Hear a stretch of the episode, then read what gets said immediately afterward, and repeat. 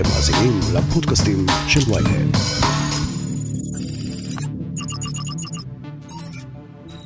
עוד התקפה ועוד התקפה ועוד התקפה. עולם הסייבר הפך לשדה קרב של ממש.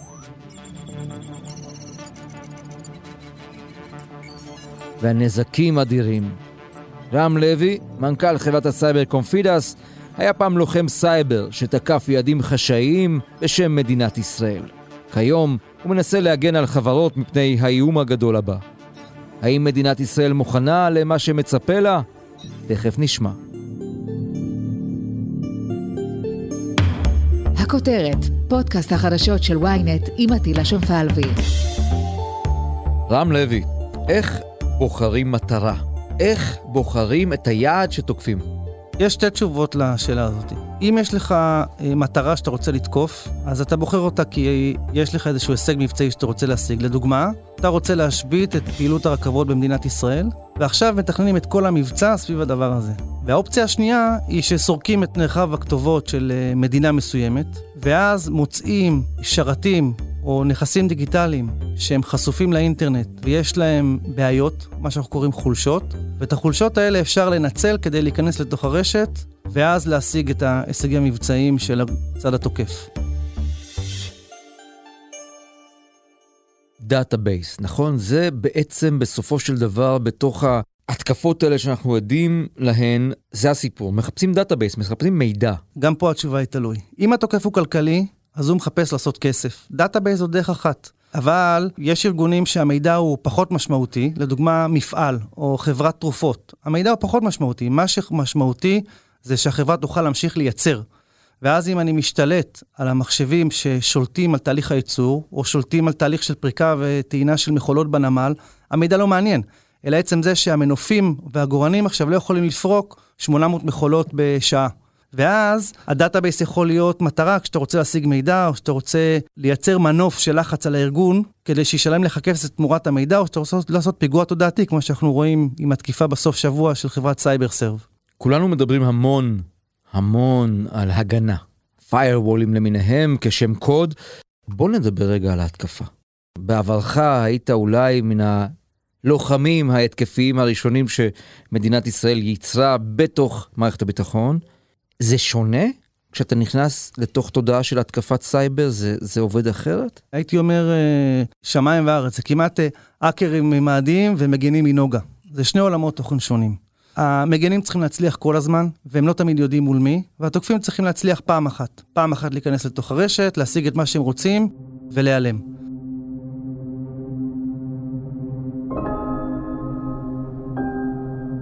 ומה הם עושים, אותם תוקפים? איך הם עובדים? איך הם פועלים? איך ה system אצלם עובד? אז בגדול, אה, חברת לוקיד מרטין לפני עשר שנים אחרי שהסינים תקפו אותה, היא פרסמה מה שנקרא שרשרת הערך של תקיפות הסייבר, או באנגלית cyber kill chain. ושם הם מתארים אה, שבעה שלבים גנריים, שכמעט כל תקיפת סייבר עוברת דרך אותם שלבים.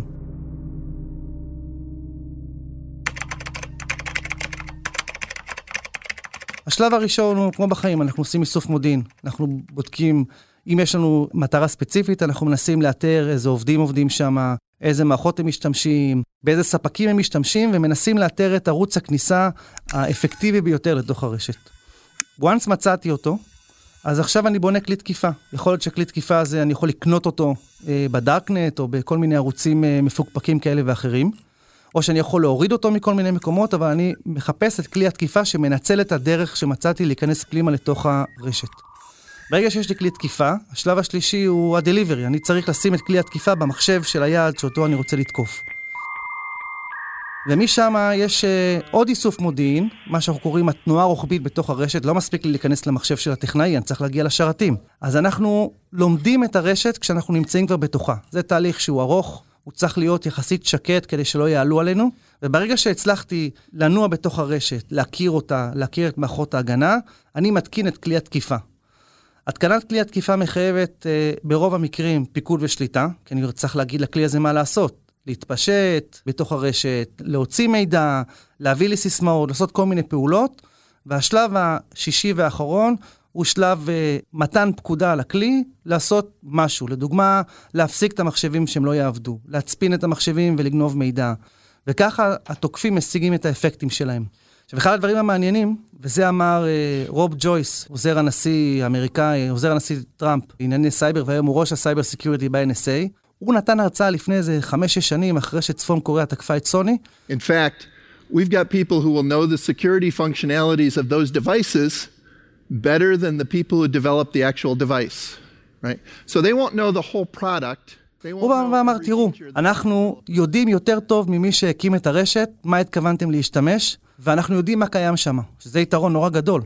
הדבר השני, אנחנו מקדישים זמן כדי ללמוד את הרשת ואת מוצרי ההגנה יותר טוב מאלה שהתקינו אותה, ואנחנו יודעים יותר טוב מהם מה עובד ומה לא עובד. ולכן המסקנה שלו, זאת המסקנה הכי חשובה למגינים, אם אתם רוצים להגן על הרשת שלכם, אתם קודם כל צריכים לדעת על מה אתם מגינים. אתם צריכים להכיר את הרשת שלכם.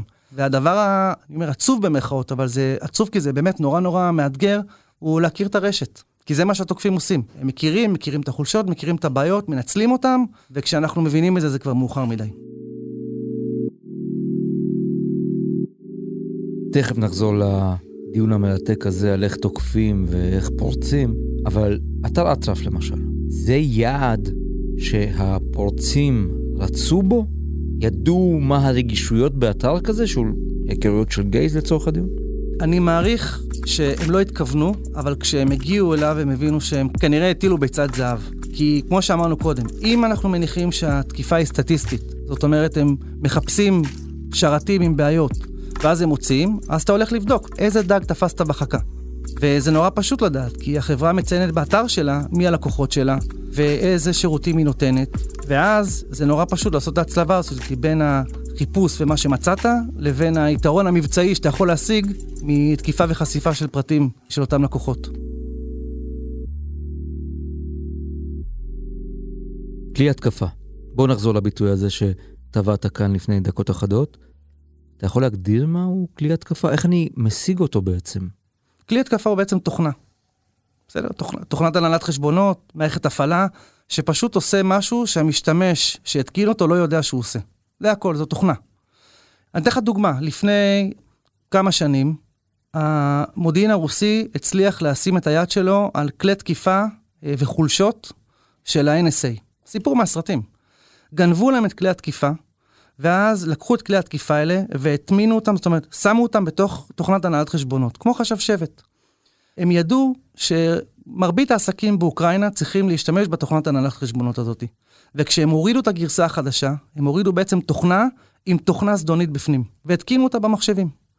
ואז בסוף יוני 2017, הרוסים נתנו פקודה לתוכנות האלה לפעול, והתוכנות האלה התפשטו בכל המחשבים של החברות שהן מותקנות. אני מדבר איתך על החברות הכי גדולות בעולם, חברת הספנות מרסק, חברת התרופות מרק, אה, DLA פייפר, משרד עורכי הדין הגדול ביותר בעולם, ופשוט מחקו להם את כל המחשבים ברגע אחד. זאת אומרת, מה שאנחנו מתמודדים איתו זה תוכנה שעושה דברים שהיא לא אמורה לעשות, ואנחנו לא מסוגלים לעלות על זה בזמן. זו פשוט תוכנה.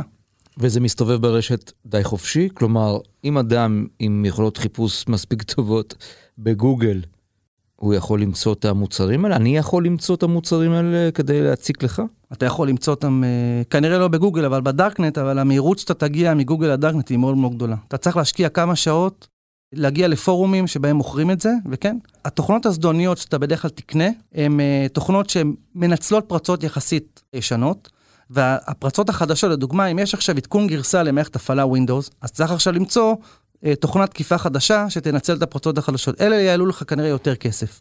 אבל מה שמעניין זה שמדובר פה על שוק שהיום מתפתח ועובר איזושהי טרנספורמציה. יש היום קבוצות מאוד מאוד קטנות ואיכותיות שמפתחות את כלי התקיפה, ואתה יכול לקנות שירות תקיפה, זה נקרא ransomware as a service או cyber attack as a service. אתה לא צריך לפתח שום דבר, אתה רק צריך לשלם דמי שכירות תמורת תוכנת התקיפה לתוקפים, והם ייתנו לך את התוכנה שהם פיתחו.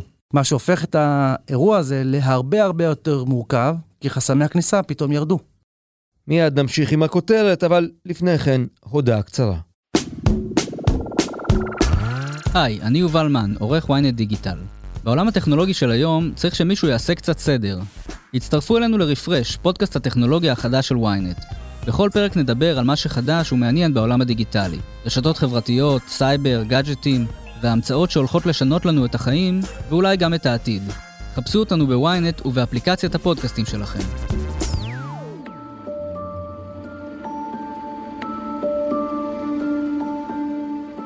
רם, אני רוצה להחזיר אותך לימים שבהם היית לוחם התקפי. תהיה לנו את ההרגשה שנכנסים למבצע כזה, מבחינת הרעש, האדרנלין, המתח. הרבה פחות מאשר אה, להיות בשטח באמת, והסיבה היא, אתה רחוק מהקורבן. אתה לא רואה אותו, אתה רואה מחשבים, אתה רואה פרוטוקולים. אז יש בעיקר הרגשה של אה, הצלחה, שהצלחנו למצוא בעיות, שלא עלו עלינו, שאנחנו נמצאים בתוך הרשת ואנחנו עכשיו יכולים לשלוט במערכות של האויב מבלי שהוא יודע, אבל זה הרבה פחות מרגש ממה שזה נראה. זו, זאת עבודה. זה בעצם לזרוק רימון, ללכת, ומתישהו הוא יתפוצץ בלי שאתה תראה את הפיצוץ. אתה תראה את הפיצוץ, כי אתה תדע מתי אתה מפעיל אותו, אבל uh, צריך לקחת בחשבון, כמו שאמרתי קודם, בסוף, כלי תקיפה זה תוכנה. יכול להיות שהיא לא תעבוד. יכול להיות שמשהו יקרה בדרך שאתה לא יודע, וכשאתה תלחץ על הכפתור, לא יקרה שום דבר. וזה מכניס הרבה מאוד אה, אי-ודאות לתוך המבצעים האלה.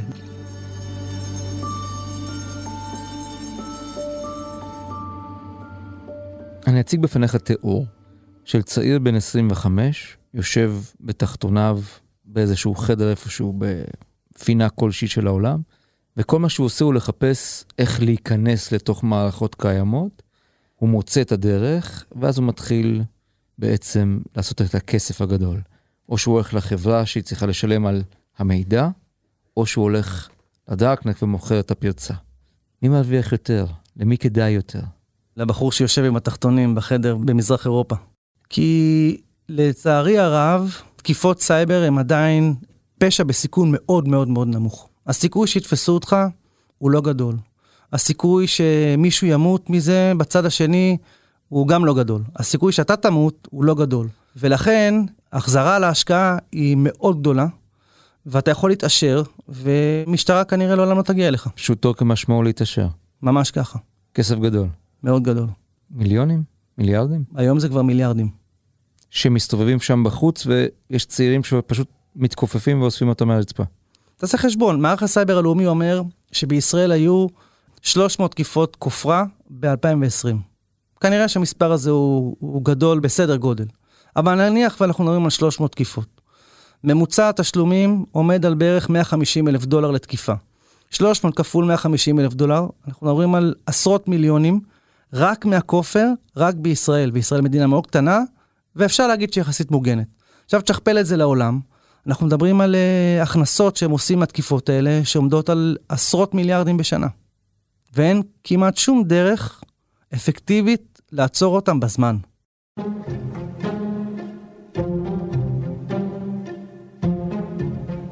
מה שמדהים בסיפור הזה, שיש כל כך הרבה אנשים שמפתחים כלים כדי להזיק ולהרע.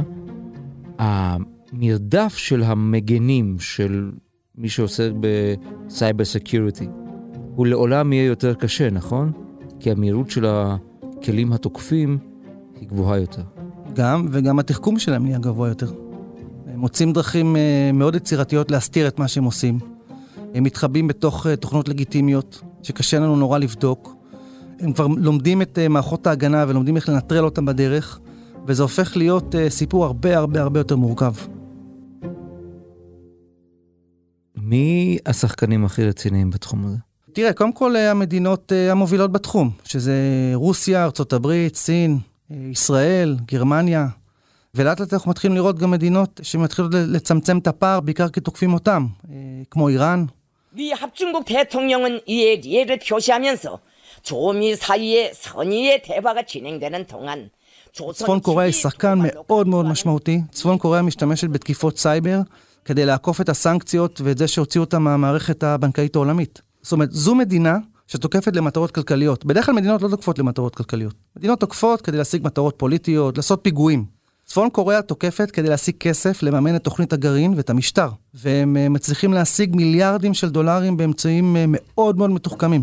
כלומר, יכול מאוד להיות שחברות, כולל ישראליות, משלמות כופר כזה או אחר לצפון קוריאנים? זה יכול להיות, וראינו את זה שכבר הם עשו מתקפות כופר, אבל הצפון קוריאנים עלו רמה. הם קודם כל תוקפים בורסות קריפטו וגונבים מהם את הכסף. שם יש הרבה מאוד כסף, וחברות ישראליות נתקפו ונגנב מהם כסף.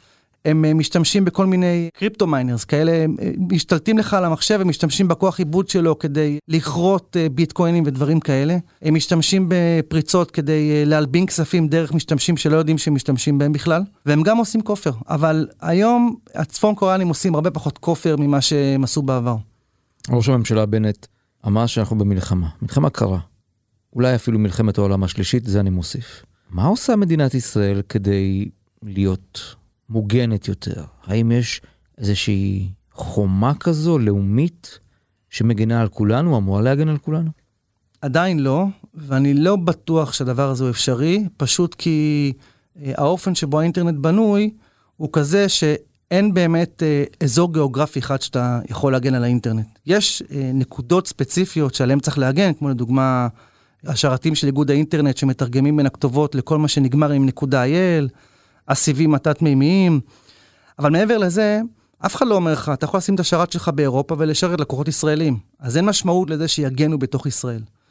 מה כן המדינה עושה? קודם כל, הסיבה שישראל כל כך מתקדמת, היא שבישראל כבר ב-2002 הקימו את הרשות הממלכתית לאבטחת מידע בשב"כ, והגדירו מה תשתית קריטית, והתחילו להגן באופן פרואקטיבי על אותן תשתיות קריטיות באמצעות מודיעין, הנחיה, טכנולוגיות, והתפתח פה ידע שהוא היה יחסית אה, ראשוני אה, וייחודי בעולם.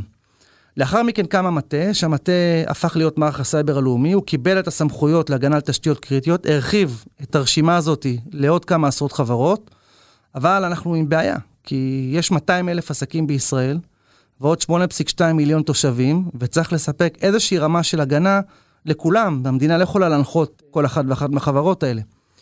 ואז פיתחו אסטרטגיה.